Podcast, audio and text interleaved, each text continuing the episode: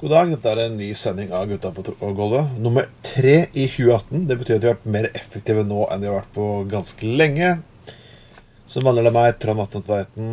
Andremann på er alltid en evig røde Kim Runar Jensenli. Hoha. Og en person til i dag. Personen som har vært litt sånn eh, som, Samme som George Martin var for The Beatles, nemlig Helge Nordvik. Yes. Så du sikkert vet at Mesteparten av disse sengene gjennom årene har vært mikset og fikset og trikset litt på, som gjør at jeg ser litt penere ut, og at Kim Runar høres litt mer intelligent ut. Og det er nemlig det Ja, det, å- det å se penere ut på radio, det er imponerende. Ja, det er, det er Helge Nordvik som faktisk har, eh, har ordnet opp i. Så det er liksom litt sånn stor takk. vi må Liksom, høy, høy, gi en sånn liten sånn der applaus for eh, Helge på dette her. Yay. Yay! Før vi begynner å gå løs på alle disse superseriøse sakene vi egentlig har på dagsorden, så er det verdt at uh, jeg må nødt til å nevne noe som jeg Alle her er jo barn av 90-tallet, antar jeg? Jeg er født på 70-tallet. ja, da er vi to. Ja, alle er født på, alle er født på 70-tallet, men garantert 90-tallet var da vi lærte å pule og drikke, rett og slett. I hvert fall noen av delene. Ja. Lærte, vi lærte å drikke, være ugangskråker og jævler og plage foreldrene våre og omgivelsene. Generelt sett være hyggelige folk. Ja, være hyggelige folk. Alle som vokste opp på 90-tallet, kjenner til serien Absolute Music. Det er en magisk, magisk serie som eh, var mange sin introduksjon til eh, det som da kunne være moderne, tipp topp, flott musikk på den tida der. Jeg syns du husker den serien der som noe forferdelig møl med masse lissetopp og drit. Så jeg brukte å holde meg langt unna. Så Absolute Music var et eh, skjellsord i mine omgangskretser på den tida der. ja, det så endte de opp med Absolute Reggae og Absolute Power Ballads og Absolutt, absolutt, absolutt, absolutt. Det eneste jeg Absolute Power Ballads var ikke så gærent egentlig, da. Nei, Nei, Power, ja. power Balladen var det jeg var jeg veldig pris på. Når det gjelder min, mitt forhold til Absolute Music, så eh, skylder jeg på at jeg har to brødre som ikke var så veldig musikkinteressert, men det, Absolute Music var på, for deg en veldig, eh, veldig bra serie å kose med. Ja. På lik linje som Megadance var en klassiker. Det var en Hits for Kids, husker du den? Det var òg forferdelig greie. Ja. Smerten har òg et navn. Men øh, Jeg husker bare Absolutt Vodka, men det er en annen sak. Um, men Det gjør ikke Men det her var en billig måte å få tak i musikk på. For den gangen musikk måtte kjøpes per singler. Hvis du skulle ha et par låter Så det var, det var en billig variant, kan du si. Jeg var sånn hangaround på forskjellige musikksjapper i Kristiansund, Bergen og, og Molde. Jeg var på fornavn med flere folk som jobba på Dals i Molde in City. Ja, nei, For min del så eh, hadde ikke jeg så mye penger til å kjøpe ting på den tida. Så jeg eh, drev da som ungdommen driver med piratkopiering. Eh, jeg hadde en onkel med velutstyrt platesamling og en enda mer velutstyrt eh, musikksmak, så han eh, var så grei og kopierte ting på eh, kassett til meg, som jeg da fikk tak i. Jeg for min del fikk angst hver gang jeg gikk forbi Youngstorget, for der hadde de Tiger. Den platesjappa finnes fremdeles. Hver gang jeg gikk forbi der, så bare måtte jeg ta en tur innom der. Og hver gang jeg stakk hodet innom, så var jeg 500 kroner fattigere. Der var det massevis av dritkul musikk. Jeg har ikke vært der på flere år nå, men eh, det har noe med at eh, det er masse enklere for meg å få tak i den musikken som jeg setter pris på. uh, du husker Thurston Moore fra Sonic Youth? Han ga ut den boken The Art of Mix Mixtape. The Art of Cassette Culture. Den, har- den har jeg kjøpt nå på Amazon. Og det var sånn dypdykk i hva jeg holdt på med. Sånn Mikse låter fram og tilbake. Og man ga dette her til personer og lignende. Jeg gjør akkurat det samme nå, bare med Spotify. Men grunnen til at jeg nevner Absolute Music, er at jeg trodde den serien var død og begravet. Helt til jeg kommer fra en reklame på Facebook. Og det viser faktisk at Absolute Music 83 har kommet ut nå på CD. Og jeg What? Det hadde jeg virkelig ikke trodd.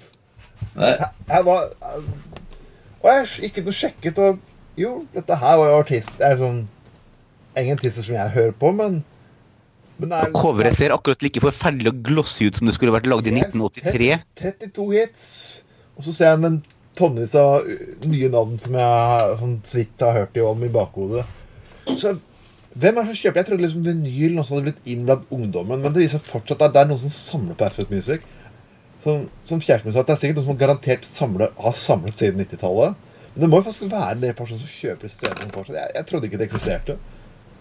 Det høres ut som et enormt underskuddsforetak å begynne å fortsette med den serien der. Og når du ser på hva slags folk som eh, er på der, så er det hummer og kanari. Det er noe som er verdt å høre på, Ja. og noe som absolutt ikke burde vært eh, tillatt å få inn i ørene. Det har jo alltid vært hummer og kanari på Absolute Music, da. Jeg mener, Absolute Music var jo på en måte CD-versjonen av Ti i skuddet. Ja, det var Ikke det. sant? Det var noe drit, noe som noen ungdommer liker, noe som noen andre ungdommer liker. Ja, det er altså disse samle-CD-ene som kom, det var vel Beat sine som er det eneste som jeg syns var verdt å få med meg. Ja, som kom ut sånn eh, noenlunde jevnt. Men det begynner å bli lenge siden de kom ut òg nå. Ja, men du har jo, altså, det var jo masse samle-CD i stund. Som jeg nevnte, Megadance. ikke sant? Absolute Music. eh, Den Beats du snakket om. Og så har du litt mer sånn Mac Music var jo noe greie. Ikke sant? Så noe som Mister. Music, som du kunne få en sånn kassett i måneden. Ja. Det var det også. Ja, de ble faktisk oppringt av for mange herrens år siden, for at de eh, prøvde å få meg til å henge med på en av deres serier. Og da kunne de tilby meg enten eh, rock, pop, eh, hiphop, danseband osv. Spurte dem har dere noen sånn ska-samlinger, da. Hva er ska? Nemlig. ja. Hva er en ska? Men jeg trodde liksom at CD, altså, kanskje CD etter hvert kommer til å bli noe gull òg. Altså, jeg jeg skal bare beholde, jeg beholder alle CD-ene mine. Jeg har jo komplett Beatles og komplett, komplett på ditten og datten, så kanskje Kanskje Kanskje CD-ene havner der egentlig LP-ene eller gamle spill-cartridge er nå? Det tviler jeg på, for de eh, gamle eh, vinylrillene de eh, varer evig så lenge at du tar godt vare på dem. CD-ene de blir bare dårligere og dårligere, og de varer ikke mer enn 25 år, så er de Ja, det er jo ja, skyteskiver bare. ja det, så det spørs på kvaliteten, da. Jeg har min, Vi har 25 gamle CD-er som funker helt fint. jeg. ja, da, så jeg har min nevnte onkel som var musikkinteressert. Han drev jo òg og testa. Han kjøpte jo CD-spiller med en gang det kom CD-er. Eh, I 82 og testa det nærmere 30 år senere. Det fungerte fremdeles. Men du har mye sånn type billig sånn Mac Music og dette greiene der. ikke sant?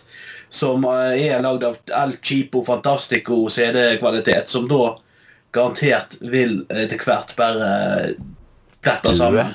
Ja. Ja. Den vil få en eh, Ja, i, vil få en verdig begravelse. I, i søppelbøtta eller noe. Ja, eller på det- skytebanen. Er så mange muligheter.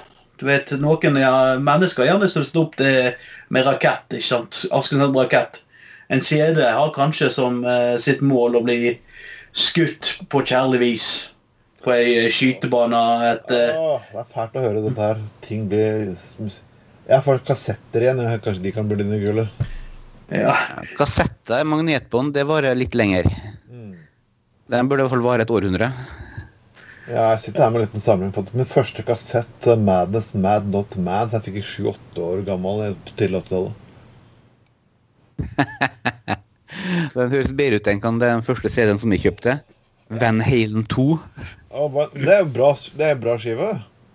Nei, det vet du faen hva som feiler meg når jeg kjøpte den der. Jeg har aldri vært noen Van Halen- Halen-fan. Det var i, på, på danskebåten når jeg var på slutten av barneskolen, eller, eller på barneskolen en gang. da. At det var CD var noe nytt og kult noe. og da har du hørt om Van Halen. Hva faen var det for noe igjen? Høres bra ut. Den kjøper jeg. Ja, Van Halen er, jeg synes Van Halen er bra, jeg, så beklager. Det var den, det med det, det var den versjonen med David Lee Roth. Men vet du hva, folkens? Vi skal vekk fra nostalgi og tilbake til den materien som er, er som å putte kuken i varmt vann med klorin. Nemlig Silje Listhaug. Oh yeah. Godt eksempel. Og hvis du ikke trodde at Jeg, jeg trodde Kalle, Hagen var eksperten på å spille offerkortet. Men Sylvi Listhaug må faktisk eh, Må faktisk klare å slå den ganske godt. Hun har foredla den kunsten, hun, da. Kalle Hagen var eh, veldig offer, men eh, Sylvi Listhaug har spissa det. Sånn at hun er et veldig, veldig uthengt offer, ikke bare generelt offer. Det, jeg, jeg, Ja, hun, hun har nå prøvd å marke- markedsføre seg sjøl som et offer, og at hun slåss for ytringsfriheten. Og mente ytringsfriheten sin var knebla, mens hun sto foran fem mikrofoner og et samla pressekorps.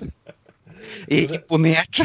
Det er dem som, da, som klagde på all- alle elitesamfunn som styrte samfunnet, mens hun kjører inn pansret eh, limousin opp til Stortinget og tjener over en mill. i året. Men det er det så.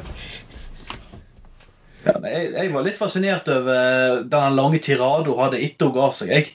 Ja. Jeg mener, Hun drev jo da og bl.a. blant annet klikka på Hareiden. ikke sant? At han ikke hadde ryggrad. Men altså da han måtte ha gjort der, altså at han sto i skiten og sto med partiet sitt og spurte ok, kan, eh, skal vi ta, skal vi gå på dette her? Og han var villig til å gå for dette her eh, mistillitsforslaget. da. Det må jo vise en ganske betydelig ryggrad, selv om han ikke er så glad i Hareiden. Ja, men det, Jeg er litt, litt, litt uenig der, for med tanke på hvor masse skit han har vært nødt til å ta de siste fem og et halvt årene fra spesielt Frp og Sandberg og Listhaug og full pakke, så, så, har, så er det enten så har han total mangel på ryggrad, som endelig vokste tilbake for første gang i sitt liv. Vi tror at han rett og slett eh, bare ga helt opp og sa bare OK, fuck it. Fem år med revkjøring er nok. Nå reiser jeg meg opp. Ja, som sagt, det viser jo det stikk motsatt av Sylvi mente da at han ikke hadde ryggrad. For det viser jo at han faktisk etter hvert har grodd opp en ryggrad. Eh, det, her er jo, tide. jeg kan nevne et par eksempler. Det, den gangen Frp Per Sandberg beskyldte FrKrF for å ha ansvar for terrorrekruttering. Yes, det har han gjort. Sleike maner opp etter ryggen, har han jo sagt. Og ja og, og, og så kan gå om altså, Jeg syns egentlig Hareide hadde ryggrad. Herregud. Her, du skulle nesten tro at Frp ville være litt mer taktisk. Når en person vurderer faktisk å dumpe deg, det du gjør da, er liksom ikke å true vedkommende. Gjør det, gjør det, gjør det, gjør det! gjør det, gjør det Skal du faen meg gjøre det, skal du faen meg få så, Og så etterpå så er det, da, Sorry, her gidder vi ikke mer. Bare, du har ikke ryggrad. What the fuck? Det er jo, eh, Hun leker jo chicken, politisk chicken med han der. Kan, har, har du bare Ja, det, det at han har holdt ut eh, og ta imot alt det her i hele sju år, det, er fem år, det er jeg faktisk så imponert over. Eh, som jeg for min del hadde kommet til å gitt opp for lenge siden og bare sagt ut!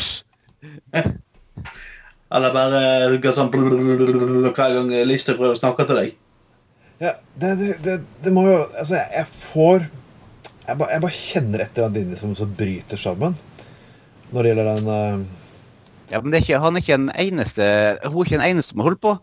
Eh, det var noen Per Sandberg som beskyldte KrF for å drive med terrorrekruttering og ja, så- massedrap. så- så- Ja, og og Anders Amundsen eh, feilinformerte noe Stortinget om angående asylbarnsaker for et par år siden. Og da var det KrF som måtte redde regjeringa fra mistillit. Og eh, så var det òg Jeg skal se ja, Dere og Sylvi Listhaug beskyldte KrF for kun å være opptatt av å bruke mest mulig penger på bistand, ikke hva bistandspengene skulle gå til. Så klarte òg Knut Arild Hareide å berge regjeringa.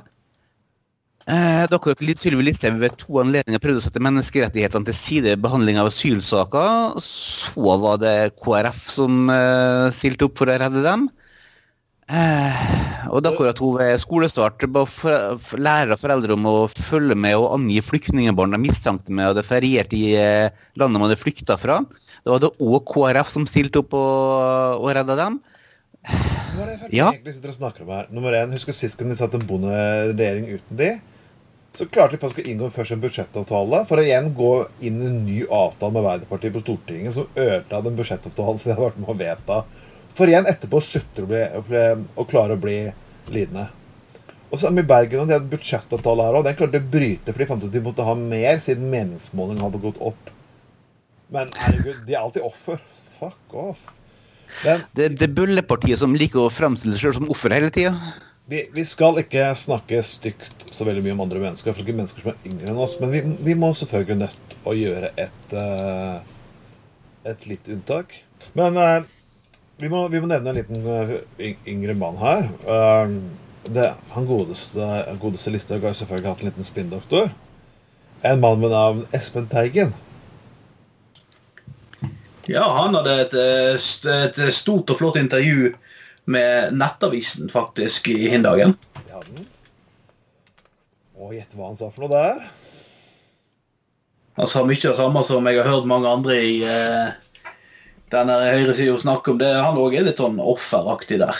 Ja, han, han, Jeg kan jo si hva han har sagt. Eh, Han har jo sagt her Han har jo sagt at uh, norsk presse er en dørmatte for Arbeiderpartiet. Yes. Ja, og det er jo òg interessant altså Det der eh, dørmatteargumentet kommer ofte opp sammen med venstreorienterte medier og MSM, som er den nye eh, slang, eh, kor- eh, slangbokstavkortelsen hos de som jeg kjenner til, som eh, ligger litt på høyre side og vaker. Men har han ikke fått med seg hvem i all verden det som eier mesteparten av norske medier? Det er private eiere som eh, har all interesse av å selge mest mulig, og som eh, ikke nødvendigvis er mest venstreorienterte. Fagbevegelsen har i flere år vært nødt til å slåss imot eh, media for å sørge for at de som jobber i media, har gode arbeidsvilkår. Det er ikke så lenge siden sist gang det var en mediestreik heller. Nei. Det er akkurat det. Ja. Men det er jo alltid det er forferdelige argumentet at eh, noen, en, en, noen, en slags sånn form for å ytre kraft styre mediet. Er Du har, du har det samme i USA også, der liksom liberale kommunister sitter og styrer media. Jeg kan banne på at de kommunistene sitter og styrer sin end. Det høres litt, sånn, litt, litt sært ut i mine ører, men ok. Eh, men han, han, har på, han vært på trykk i dagen også. Og det er sånn herlig bilde. Liksom, all pressen står foran, og han står sånn med hendene i kors bak der og ser, prøver å se intelligent ut. Og, og overskriften er at flere kristne bryr seg nå om innvandring. Ja, altså Så jeg kjørte Det- eh, bildet hans gjennom eh, noe som kalles pornolizer. Det er sånn at du kan få, få det, ha det litt moro med overskriftene. Det funker ikke på Resett, nok den siden her. Det tror jeg Resett er Da fikk jeg en annen overskrift. Vil du høre den? Spent. Flere smooch bryr seg nå om gangbang. Ja. Men tilbake til den godeste Espen Teigen. Ja. Eh, han ble nødt til å slutte som eh, rådgiver etter at han hadde, det var han som hadde lagd den famøse Facebook-meldinga. Ja. Og eh, det gikk visst bare noen få timer før at han eh, fikk sitt første jobbtilbud.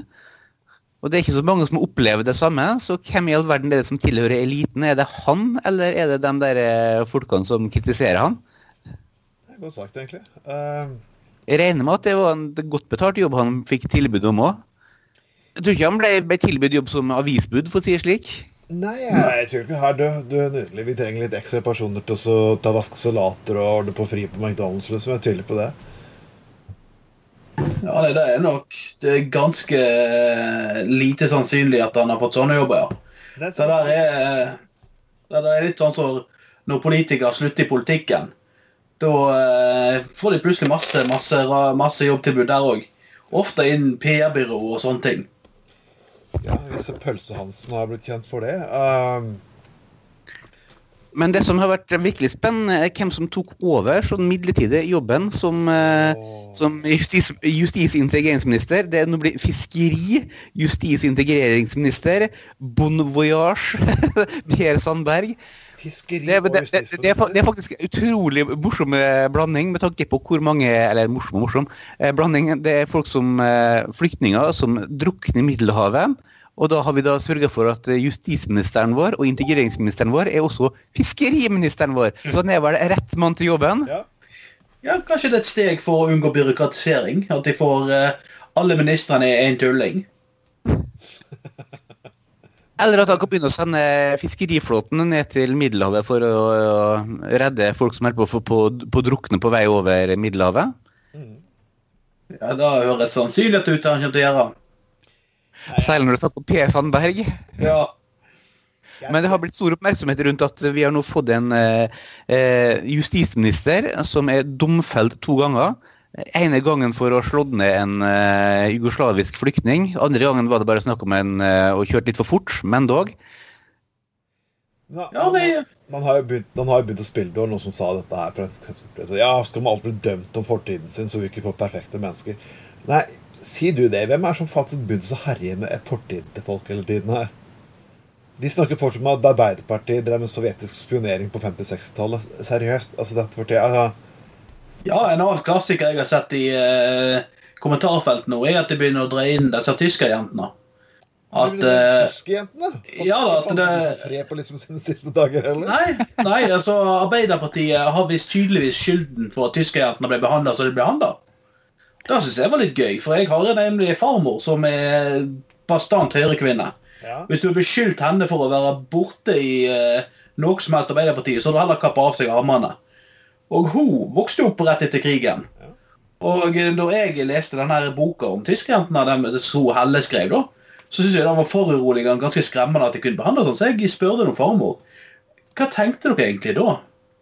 Og farmor kunne fortelle at eh, Nei, de fortjente det. Ja. Ikke sant? Og, det, og hvis du hadde beskyldt henne for at ja, det er Arbeiderpartiet som fikk deg til å synes det, da tror jeg aldri jeg har fått lov å komme der på middag mer. Ja, men det, det er faktisk mange forskjellige sider av den historien der. For eh, jeg husker for en del år siden så preiket jeg med en fyr eh, fra Åndalsnes. Eh, som hadde vært matros på fraktbåten mellom Åndalsnes og Molde. Og på Åndalsnes så hadde tyskerne en leir hvor de eh, hadde torturert en del folk til døde. Og han var nede i, eh, som matros og lempa lik. Og han jeg husker at det var full fest oppe på dekk mellom eh, tyske offiserer og norske jenter. Så han var òg ganske lite imponert over eh, tyskertøsene. Ja, ja. Jo, jeg mener uansett at mennesker får lov til å gjøre feil, og man må faktisk eh, ta kanskje til dem. For det var nok nok av mennesker som faktisk gjorde kriminelle ting som slapp unna etter annen verdenskrig. eh. De tok, det man gjorde, var at man tok de letteste ofrene. Eller de letteste ofrene var faktisk tyskejentene.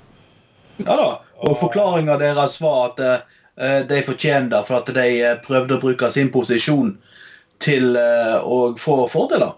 Og det kan jo være, som eh, du nevner med de på Åndalsnes, at det var en situasjon der.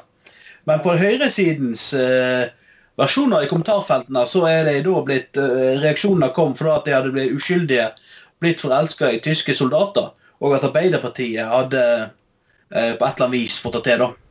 Det Ja, land, og, altså. men det verste av alt er faktisk eh, hvor i all verden at uh, Nasjonal Samling uh, hadde sine venner på den tida der. Uh, i, på 1930-tallet så hadde de på, i lokalvalget i Bergen så hadde de faktisk fellesliste med Høyre. Ok. Eh, og i tillegg så prøvde han som grunnla Frp eh, å etablere et nytt parti sånn etter krigen, med utbrytere fra Bondepartiet. Eh, for å danne et nytt parti, eh, noe som gikk særlig bra. Og sjøl så var han nær ved å bli eh, dømt for landssvik, fordi at han hadde vært med i en del litt gufne organisasjoner på 30-tallet og tidlig 40-tall, før at han skifta side midt under krigen. Det er rart, det. det skifte side plutselig. Sånn, ja.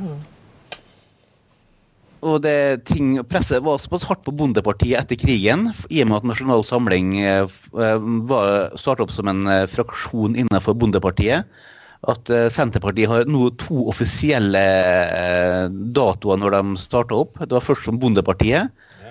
og så var det en del gufne elementer som kom med igjen i Bondepartiet etter krigen.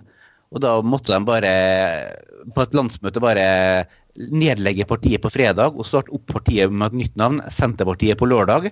Og bare sende ut melding til alle lokallag om at eh, eh, det er enkelte folk vi ikke vil ha i partiet, så nå nå har vi starta på nytt igjen. Hvis dere vil være med, så kom med. Hvis dere vil, fremdeles vil drive på med de gufne folkene der, bye bye. Fortsatt som Bondepartiet. Ja, ja. Eh, vi kunne sikkert sagt mye om uh, personer med syn på uh, innvandring som også havnet i Fremskrittspartiet, eller Anders Langes parti også. Men det er liksom litt nok Fremskrittspartiet akkurat nå, for vi skal gå over til KrFU. Jaha. Også en grei organisasjon. Faktisk, ja, ja. Det er idealistisk ungdom, det er kjempefint. Men her er KrFU-leder Daniel Bjølseth Nordby fra Hedmark. Og jeg ser bildet av ham. Han ser ut som en ung, frisk eh, 19-åring, men han har et lite problem. Gjett hva det er for noe. Er ikke han som sto frem som ateist? Helt korrekt. Det er, det er liksom litt som å Det er liksom som å gå på en talerstol i Fremskrittspartiet og har fått fargerikt fellesskap. Liksom. Det funker ikke helt, de greiene her. Men det var ikke første KrFU-leder som har gjort spenstige ting. Det var på 19, midten av 90-tallet. Så var det nå en eh, leder for KrFU i hele landet som sto frem som homofil. Eh, og noe som gjør at KrF måtte ta et, eh, noen runder rundt seg sjøl og si at OK, vi er ikke glad i homofil praksis, men så lenge du er det uten å praktisere det, så kan du fortsette som eh, leder for KrFU. Og han skled nå ut og ble venstremann etterpå. Det stemmer. Han var nestleder i Oslo Venstre. Han har hatt mange verv i Venstre i Oslo faktisk i flere år. Så ja.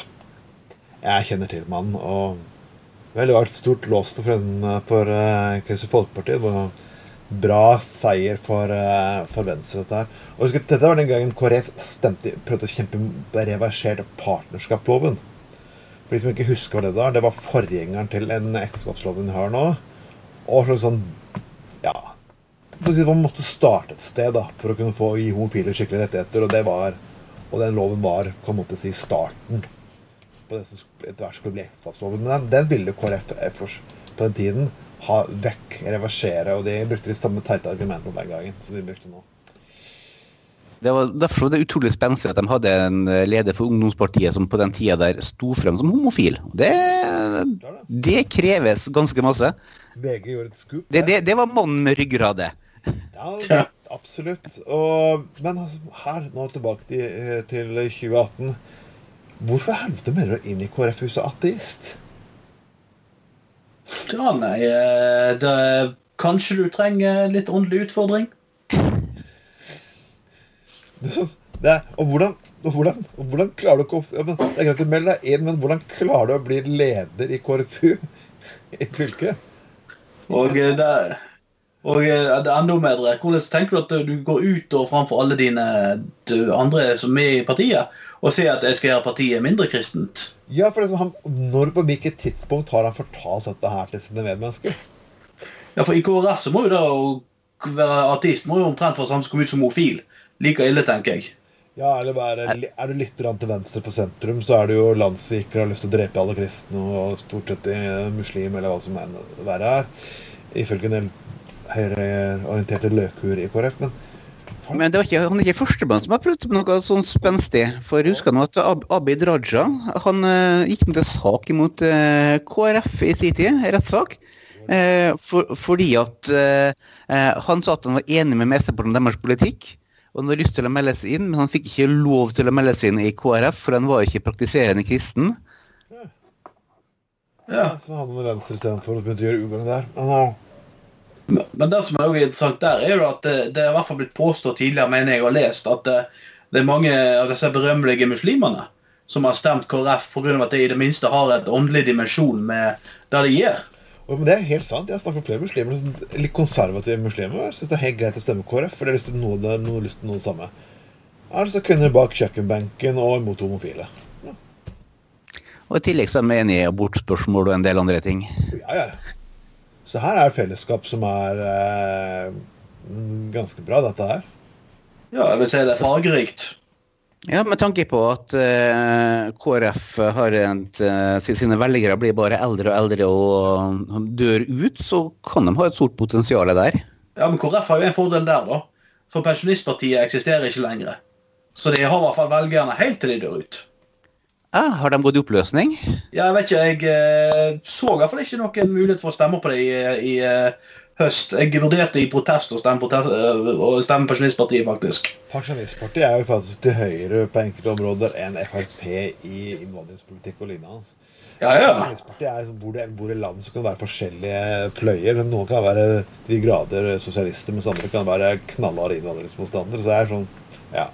Ja da, du har et par av disse som var involvert i Hvit valgallianse. Hadde jo òg Gikk jo litt i uh, Pensjonistpartiet seinere. Ja, ja.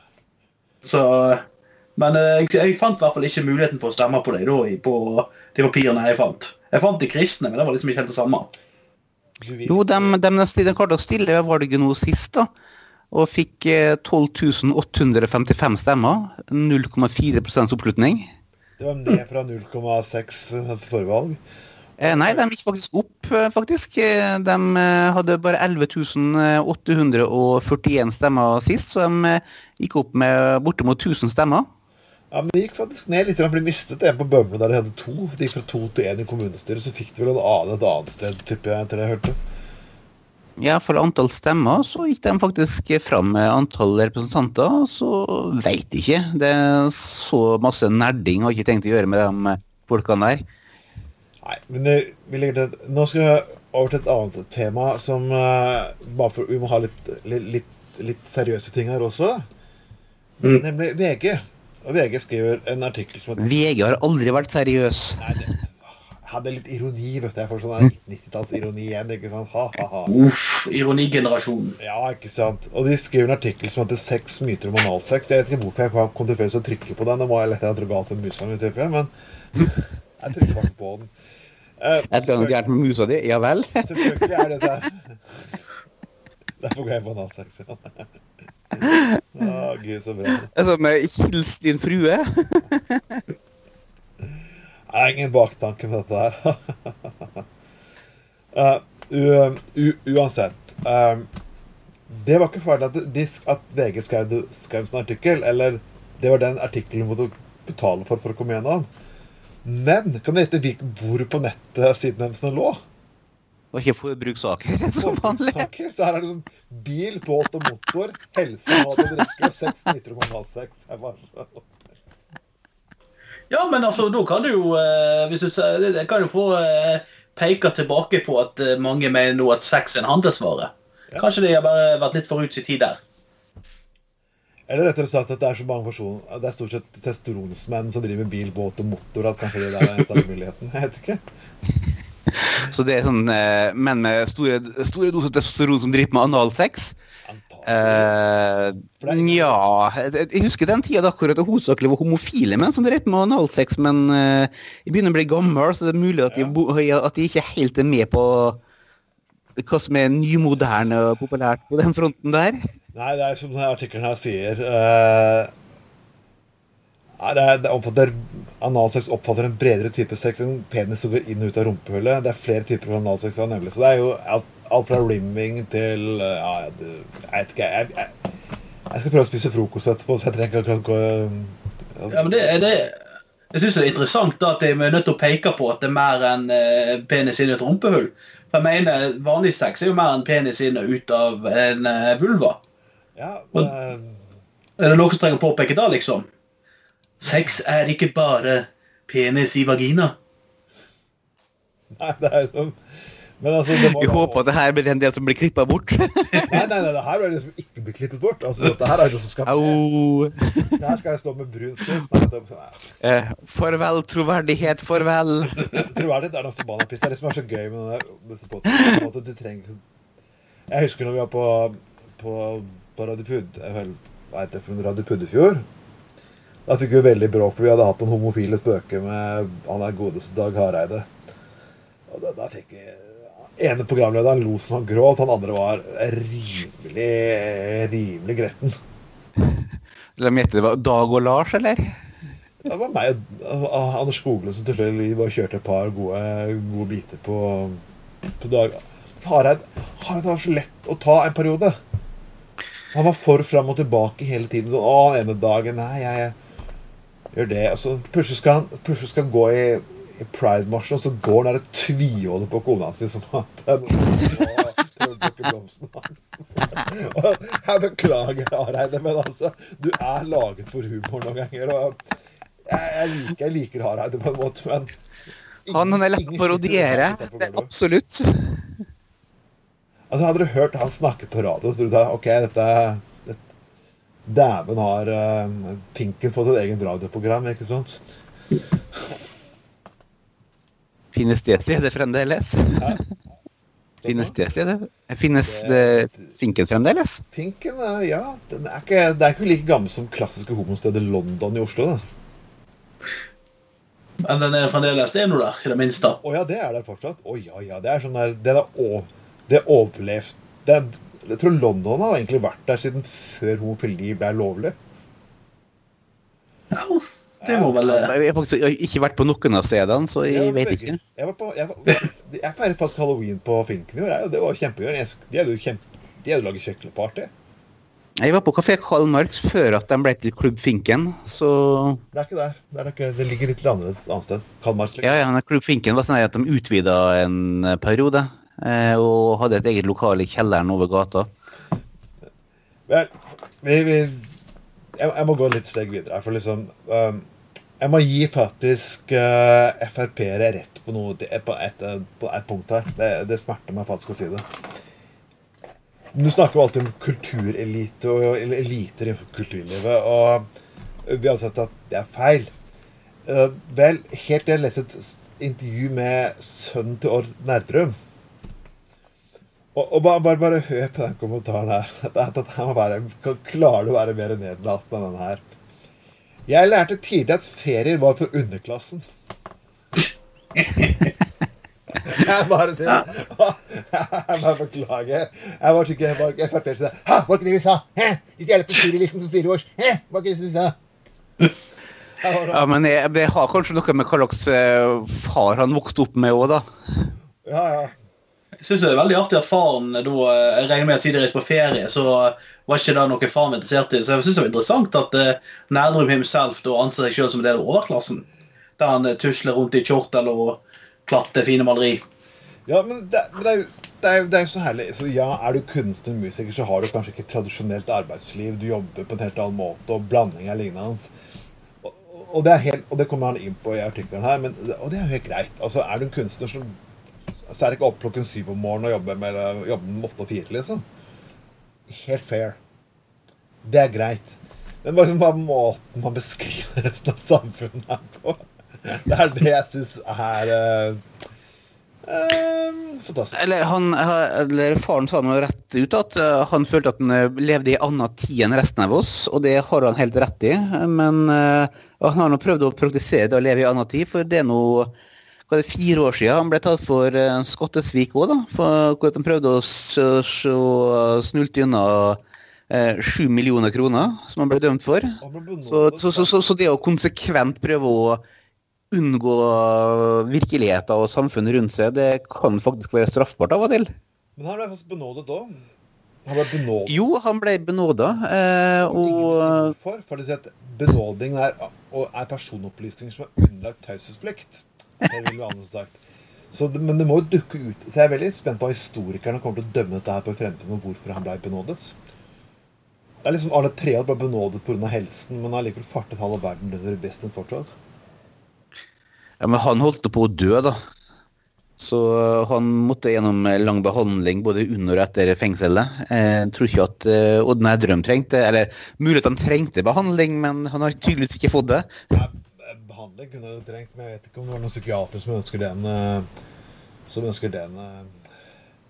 ikke, ikke, for en person som har eh, blitt kjent for å male sin egen ståkuk.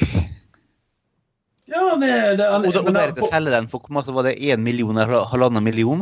Ja, men altså, jeg må jo si det er god business. altså, men Hvis du har tatt cockpics ja. og fått solgt dem for en million, så hadde jeg gitt deg stående applaus. stående applaus? oh, Gud. Uh. Nei, men så i tillegg altså, Hadde jeg sendt et bilde av kuken min, så hadde jeg fått en for på flere tusen kroner, og han tjener flere millioner. Det er jo liksom sånn Det er lite. Men du har fortalt en stund Jeg gjorde dette med en venninne en gang. Jeg sa en gang jeg skulle sende et bilde Jeg skulle sende en bilde av en pølse med mitt navn på, sa jeg. Og hvis du lo, så skulle du gi meg en flaske rødvin. Og, og den dama tenkte jo selvfølgelig på koffert. Men jeg, sånn, jeg visste at i butikken så var det noe som het Tveiten kjøtt. Så jeg gikk ned i butikken og så en, der sto en pølse med der sto Tveiten på. Og så tok jeg bilde av den og sendte jeg til henne. Med et svar tilbake at ja, den flaske rødvin skal du få. Kjæresten min er utdannet psykolog. Du skal få første time gratis. Ja, altså, jeg må, jeg må jo altså, jeg, jeg, sa, jeg, gjorde, jeg, gjorde akkurat det jeg skulle sa, og jeg sa jo kom til å le. Men jeg er jo imponert over at du har den strategiske tankegangen som ligger bak det der. da. Du ja. visste at det var en pølse som het Tveiten, før du sendte det der. Ja, men det, du tenker, Når det kommer å få gratis alkohol og knulling, så, altså, er så utrolig kreative. Det er fantastisk. Altså, hvis, hvis du kan, kan, imponere en kvinne med å, å gå naken i støen, ned isvann, klatre på fjelltopp hva de faen ikke gjør for ting som nesten ikke gir noe belønning overhodet. Når det kommer til alkohol Hallo, Er folk desperate nok, så gjør de vanvittig mye for en flaske rødvin. For min del så er det bare at jeg hadde, har et sånn lite sakskart bak i hodet mitt som jeg alltid klarer å finne ut hm, OK, pølse i butikken. Hm, Her kan jeg faktisk bare tenke litt taktisk og få en gratis flaske rødvin. Det er... Dessverre er det ingen berømte personer med mitt navn. Nei, det er ikke det. Det er ingen presidenter som heter Kim Rune Jensenli. Selv om, selv om du ser litt, ut som Lenin med den gamle, gamle varianten av stil du hadde, så er det ikke... Ja, jeg jeg har med skjegget mitt, dessverre, da. Det, men jeg vurderer å få tilbake igjen. pornobarten. Nei. Den har jeg allerede. Du har beholdt pornobarten? Ja, jeg har fått den tilbake nå. Eh, med sånn sånn der, og 90-talls boyband-stil. Det Det, eh, forklarer, det forklarer Absolute Music. Ja. Ja, det var pga. den eh, CD-en der at jeg eh, Den Å, vokste jeg må ut igjen. tilbake, jeg òg! Tilbake på, på med alpelua igjen. Konsert. Ja, men det er faktisk verdt. Det var dødsfett. Og det er under ti år sia. Og de holder, de holder koken fortsatt, og det er sikkert et bra liveband, men uh, De er et sinnssykt bra liveband. de er liksom som elektronikans svar på ACDC. De er ikke stort endret seg stort sett på, på, på 20 år. Ja, Det trenger ikke endre seg. Altså, det er liksom som å gå på en Kiss-konsert. det, Så lenge det er bra forbanna show, og ja, gitaristen skyter raketter ut av gitaren, så gir jeg faen. Ja. Ja, skal vi gå videre? Ja, vi, vi, vi må jo nødt til å gå videre. For, uh, Ja, For det her begynner å bli skikkelig radio-pess- radio-pisspreik igjen. Litt pisspreik. Det er litt pisspreik. Det er vi alltid er litt sånn god pisspreik. Men altså Analsex, analsex, analsex. Eh, ja! Ja! Gud. Eh, fra analsex eh, Fra, fra analsex, eh, hva er det du tenker på nå? Er, er, er, tenker du på eh, Kjetil Rollnes? Jeg tenker på Trollnes. Eh, det er det jeg, jeg, jeg, Dere har fått med dere meldt meg inn i Partiet De Grønne? Ja Riktig av seg, det. Yes, og det er det jeg kommer til å tilbringe min tid fremover. Og vi har jo en eh, person i det Grønne som antakeligvis har skapt litt engasjement om folk, av folk i Resett og lignende hans. Og en som har hengt seg litt oppi han fyren her, er jo da Kjetil Ronnes. Fyren heter Eivind Trædal. Det er han du tenker på når du tenker på analsex. Nei, jeg tenker på Nazi, jeg tenker ikke på Kjetil Ronnes engang. Men vi måtte, bare, vi måtte ha en glidende overgang, ikke sant? Til Kjetil Aanes som i drevekjøret vårt i Dagbladet. Det er liksom det jeg tenkte da, ikke sant? Jeg tenkte ikke på rumpa til Eivind Trædal. Faktisk åh. Jeg er ikke en gris heller. Man har Det er en, fyr, det er en interessant fyr da, som meldte overgang fra SV til De Grønne. Jeg fikk ikke helt med meg grunnen, men det var tydeligvis noe miljøengasjement som han eh, satt mer enn høyere enn kan eh, eh, enn de, de røde verdiene, for å si det slik. Ja, ja, ja. Som å spanke resten av befolkningen til å bli rød på rumpen. Jeg vet det kanskje, men eh, uansett. Nå prøver Kjetil Rollnes å begynne å bli Åh, han, han er sur for det. Han, de har invitert Eivind Trædal på TV, og nå prøver Kjetil Rollnes å prøve å bli, skal bli den moderate. Nå skal han bli den moderate stemmen. For en gangs skyld så har han fått det til. For, Ja. eh, for min del har jeg hatt sansen for Kjetil Rollnes eh, ganske lenge. Jeg har vært uenig med mesteparten av det han har skrevet. Men han er en interessant person som jeg leser med stor glede. Han er vel den største grunnen til at uh, jeg av og til kjøper Dagbladet, faktisk. Ja, men altså, Det er flere ting han har skrevet som jeg helst syns er kjempegøy. Jeg, leste, jeg, jeg likte disse gamle bøkene sånn norsk smak og om pornoindustrien. Han skulle bra bøker, men men bare senere år så har han vært litt sånn, litt sånn sur, gammel, bitter mann. Og Ja, han tilhørte en gang i tida venstresida, men så var det venstresida som forlot han, og han har liksom kjørt sitt eget løp eh, siden den tid. Og det, det som du tenker på det han skrev nå eh, for noe i går i Dagbladet, hvor han eh, tok for seg den debatten som var mellom eh, Tredal og eh, Rune Berglund Steen fra Antirasistisk Senter, eh, Hans Rustad fra Dokument og Helge Lurås fra Resett. det er den jeg refererte Som, som, var, som, var, som er en debatt som folk bør se hvis de vil eh, legge seg ned og grine, egentlig. For det er det verste eksplosjonene jeg har sett på lengre tid.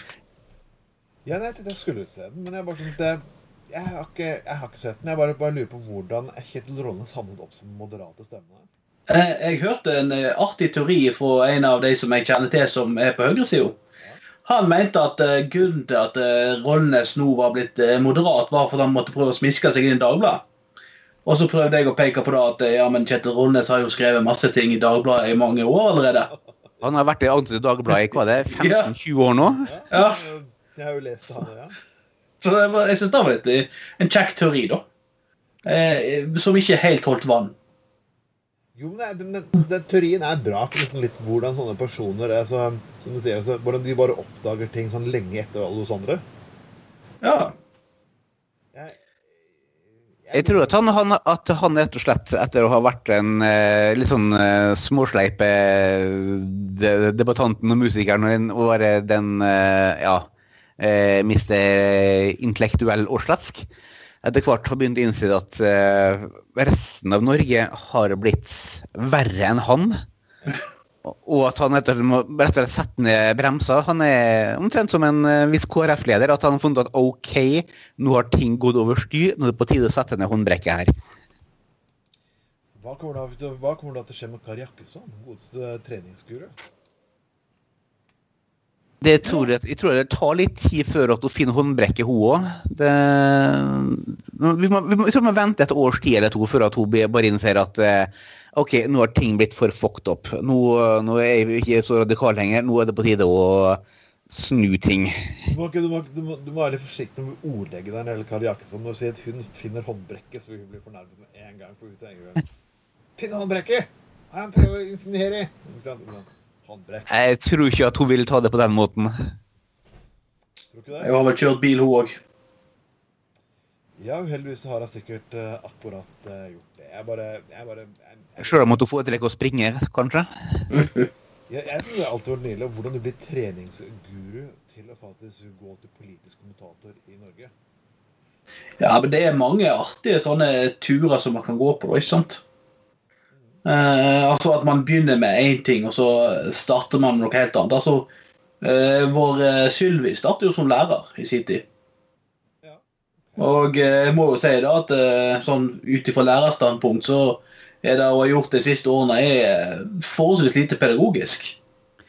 Selv når, når, du tenker, når hun prøver å trekke ned barnehagene ned på hennes nivå Ja, sant.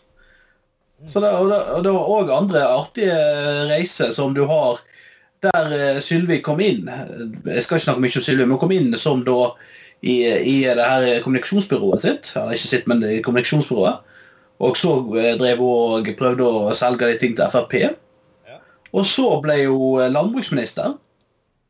Og så ble hun innvandrings- og integreringsminister. Og så ble hun eh, integrering- og justisminister. Og så vet jeg ikke hva hun kunne blitt videre, men altså, jeg vil jo påstå det er ganske langt ifra landbruk til justis. men var integrering før justis i tittelen hennes? Jeg vet ikke, da skal ikke jeg si 100 For er- Eh, jo, faktisk. Hæ? Jo, faktisk. Det er ganske interessant at integrering er før justisbiten. Er- Spesielt siden hun er så lite flink til integrering. Ja, nei, jeg, Som, som det, hun, hun, hun, hun prøvde å gjøre én av to ting, i alle fall.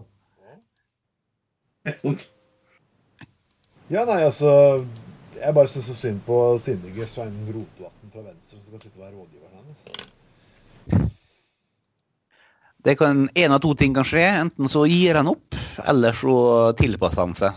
Jeg, jeg, Og jeg, bare, det, jeg, jeg, jeg vil ikke vite hva som skjer med, videre med han. jeg synes det var kult hvis Svein bare at fuck off, det der er noe av det verste driten jeg har vært med. Dra til helvete, jeg slutter på dagen. Fuck you. Og så bare hiver han kofferten i veggen, knuser tastaturet går rett ned på Stopp prest og drikker øl. Det hadde vært gøy. Det hadde fuckings vært gøy. Live på fuckings Facebook. Tør du gjøre den sign så skal jeg faen spandere øl på deg.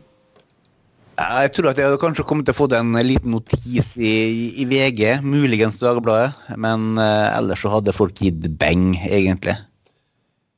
Vi må, vi, må, vi må ta litt lokalpolitikk her i Bergen også, for eh, Høyre har vind i seilene. Av en eller annen merkelig grunn så har det gått opp kraftig i eh, Bergen, og gått, Arbeiderpartiet har gått kraftig ned.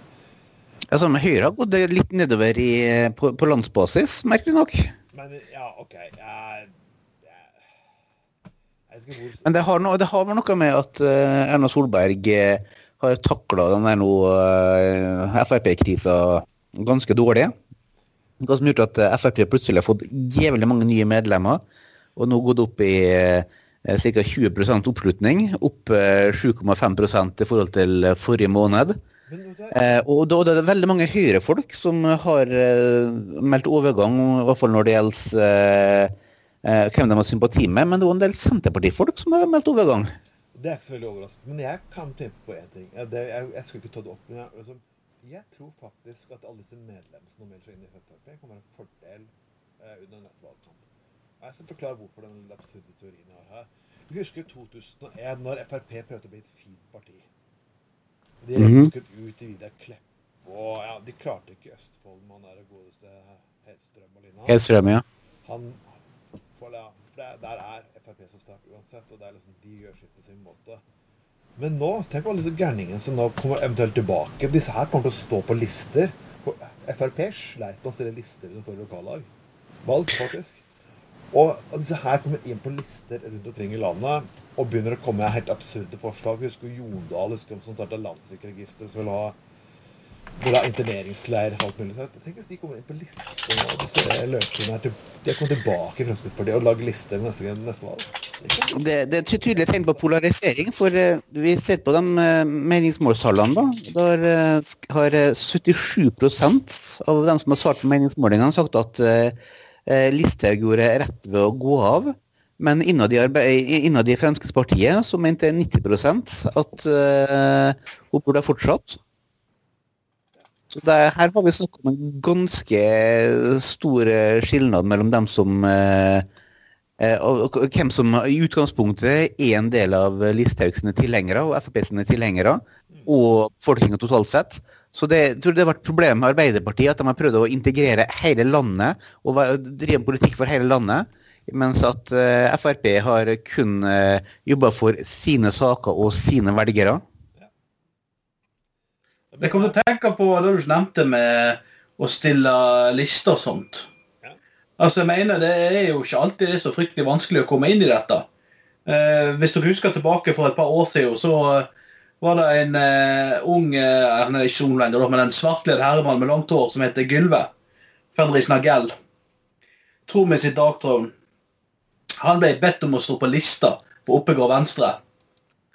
Og så eh, hans, eh, så jeg, ok, jeg kan stå på lista, jeg får niendeplass av noe. Og så, lærer, så må, skal han da levere en sånn politisk plattform. Og hans politiske plattform var et bilde av han og katten, og det sto 'ikke stem på meg'. Og allikevel så kom han inn. Du er kjent metal-musiker og skriver 'ikke stem på meg'. Det er samme som invitasjon til å bli stemt inn.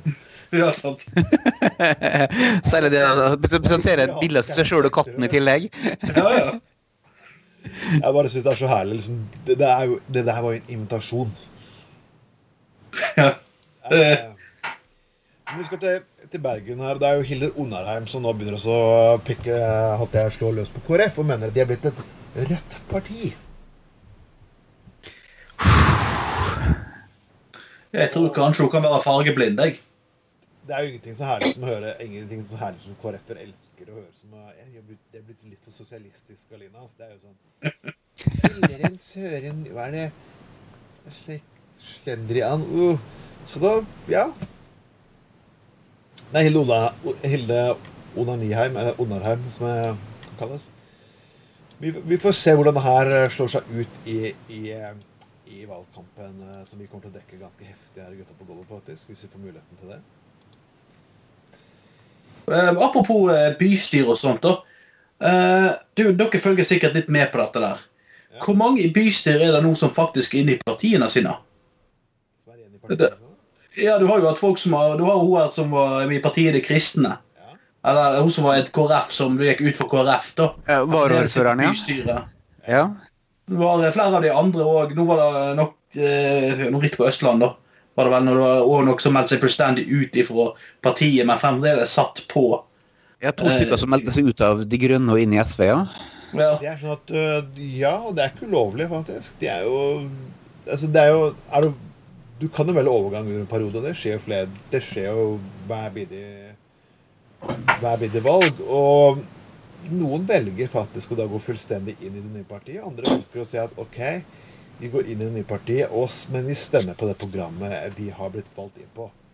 Og jeg vil si Undertegnede selv har gått over fra Venstre til De Grønne under en periode nå.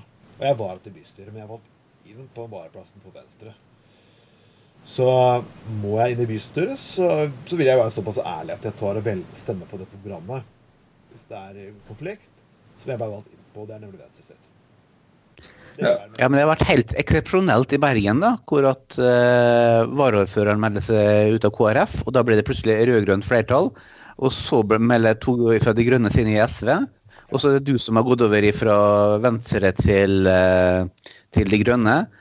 Altså, det, det er veldig sjelden at det er såpass store omrokeringer i én periode etter et valg.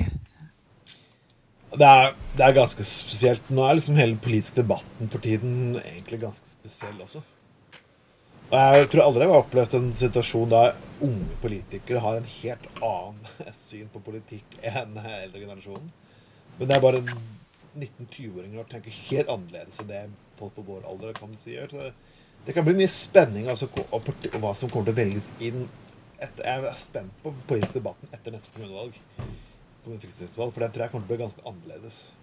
Unge mennesker som har en helt annen inngangspunkt til, til politikk på en rekke felt. Så det skal bli Det skal bli, eh, gøy. Jeg tror vi skal avslutte Jeg tror vi, tror vi tror at vi kan bruke det som en overgang til den, den store happeningen i går. Ja, Hvis dere fikk med dere det, hvor at òg ungdommen i USA eh, har nå fått helt andre verdier enn sine foreldre. Og det for, for min del har vært frustrert over så her millennialsene med så her identitetspolitikken og pisset som eh, venstresida i USA og i Sverige har drevet på med. Men nå har det skjedd en del ting som har gjort at eh, folk har våkna opp, og store folkemengder har samla seg eh, for eh, det positive ting som, som ungdommen i USA nå klarer å få til, nemlig sette våpenlovgivninga i USA på kartet. Jeg så faktisk Paul McCartney gikk der, og det er ganske sterkt. Han gikk i marsj i New York, faktisk. Han sa at det er noe opptatt av, for borte, rett borte her så var det en god, veldig god venn av meg som ble drept av våpen. Og jeg tror vi alle vet hvem han snakker om. Ja. Gud sjøl.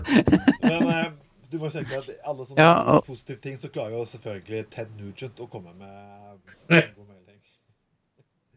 Jeg vil Den lese fra fått det med? hans Twitter-konto her. Shame on the adult scammers manipulating ignorant children for their counterproductive dangerous politics. Holy shit, Ted Nugent. Eh, Ted Nugent skal ha på ett felt. Han forsøker i hvert fall ikke å være på lag med alle. Han prøver kanskje ikke å fucke opp det der. men Han skal, han skal ha den. Du er sjenerøs. Ja, men jeg var fremdeles bare sitte imponert over at March for Lives i Washington klarte å samle en halv million personer. De hadde regnet med å ha ca. 300 000, men de ble en halv million personer kunne se det. I tillegg til det mange andre plasser hvor de hadde markeringer. Og Emma Gonzales sin eh, tale var utrolig bra. Eh, hun overlevde Parkland-shootinga, og det verste av alt, i Parkland, i Florida, så de, hadde de òg en markering som samla 20 000 personer i en by med 27, nei, 23 000 eh, eh, nei, nei, beklager, 31 000 innbyggere. Eh, når du klarer å samle 20 000 personer i en markering i en by med 31 000 innbyggere, så er det like imponerende som en halv million i eh, Washington, eh, eh, hovedstaden. Og det var mange andre plasser hvor de hadde store markeringer òg. Og jeg er kjempeimponert. Jeg bare syns det var synd at de eh, satte hele gårsdagen i et langt, langt møte, og ikke fikk det her med meg før at jeg kom hjem sånn rundt eh, 10-tida i går etter VM-et. Men jeg bare sier helt til slutt, før vi avslutter uh, rapper dette her, det er bare det at uh, skal dette her ha suksess, så må faktisk des, disse menneskene som går ut i gatene nå, de må faktisk gå til valgurnene faktisk nå, når det er kongressvalg neste gang. Ja, det, det, tror jeg de kommer til å gjøre, for det her er noe som har eh, engasjert veldig mange folk. Jeg har ikke peiling hvor mange skoleskytinger det bare har vært nå etter nyttår. Det er for et imponerende eh, antall, og noen må få gjort et eller annet med situasjonen. Det viktigste er nå gå og stem. Gå og stem. Så det skulle faktisk vært litt eh, det, mest det er det, det mest viktigste valget noensinne. Bare Ja, sjøl om du bor i Bergen, bør det stemme sjøl om at politikerne der skifter parti hele tida etter valget. For det er mer viktig å gå og stemme nå enn noensinne i historien. Faktisk. Kommunevalg neste år, det er, fem, det er nærmere 40-45% som ikke stemmer kommune- og fylkestingsvalg. Ja, de politikkene som skjer rundt omkring i samfunnet nå, utrolig viktig at folk går og stemmer. Ja, og ikke at folk gjør liksom teite ting som de begynte med i Pennsylvania. Eh, hvor de, de nå har bestemt seg for å bevæpne elevene sine med steiner. De har eh, store bøtter med steiner som man skal eh, bruke mot eh, eventuelle folk som begynner å skyte. Hadde det skjedd på min gamle ungdomsskole, så vet vi godt hva de steinene har blitt brukt til. De hadde ikke blitt brukt til noe positivt. Da hadde alle rutene kommet til å gått eh, i løpet av veldig kort tid. Vil dere ha færre personer som Per færre, Vil dere ha motvekt til Per Sandberger og Sylvi Listhaug rundt omkring i landet, folkens? Så stem. Stem gjerne småpartier, men la folk som kommer inn, som står for, som skikkelige verdier, bli valgt inn. Ja, for jeg synes Det som er mest frustrerende med stemmeprosessen nå, er da at det ikke lenger politikk som diskuteres. Det er personlighetspolitikk som diskuteres. Så jeg vil jo gjerne, hvis jeg kunne oppfordre partiene til å faktisk eh, stå på sak og ikke person. Drit i Listhaug, snakk heller om sakene. ikke sant? Gi en lang faen i Hareide, og snakk heller om sakene. Og så er en ting til. Eh, Det kommet Jeg nevner litt på det russekortet til Støre og litt noen gamle ja, som kommer fra folk. Politikere er ikke perfekte mennesker. Og skal jeg begynne å gå til rulleblad til hver bidige person som har sagt et eller annet dumt på fest, hatt et eller annet teit på russekortet, drikket for mye og skjelt ut noen i fylla, så er det ikke så Eventuelt delt, del, da de podkaster som uh, diskuterte analsex. Ja, blant annet liksom. Den dårlige pølsebiler til venninner. Prøvde å bryte opp en minibank med søppelspann. Eh, What?! jeg, jeg fikk greie på det. Ja. Um, Prøvde å spørre Be dame med hjem på Grandiosa. Altså, det er faktisk lov til å gjøre 10 000 feil av hva det er. Og likevel få lov til å komme tilbake. Det er faktisk- Jeg vil heller faktisk ha mennesker som har levd litt. Grann. En menneske og også gjort litt dumme ting. En forbanna søndagsskoleengel fra KrF, Kristelig Folkeparti eller Løke fra et forbanna bedehusmiljø. Vi avslutter den der. Dette var Gutta på golden 3 2018. Vi har vi Helge Nordvik, Kim Runa Gjelsenli og meg, Trond Atten Tveiten. Vi kommer tilbake så fort vi har lyst til å komme tilbake. Og det, det blir ikke lenge til, ikke sant, folkens? Ikke Vi får se. Vi får se. Ok, greit. God natt.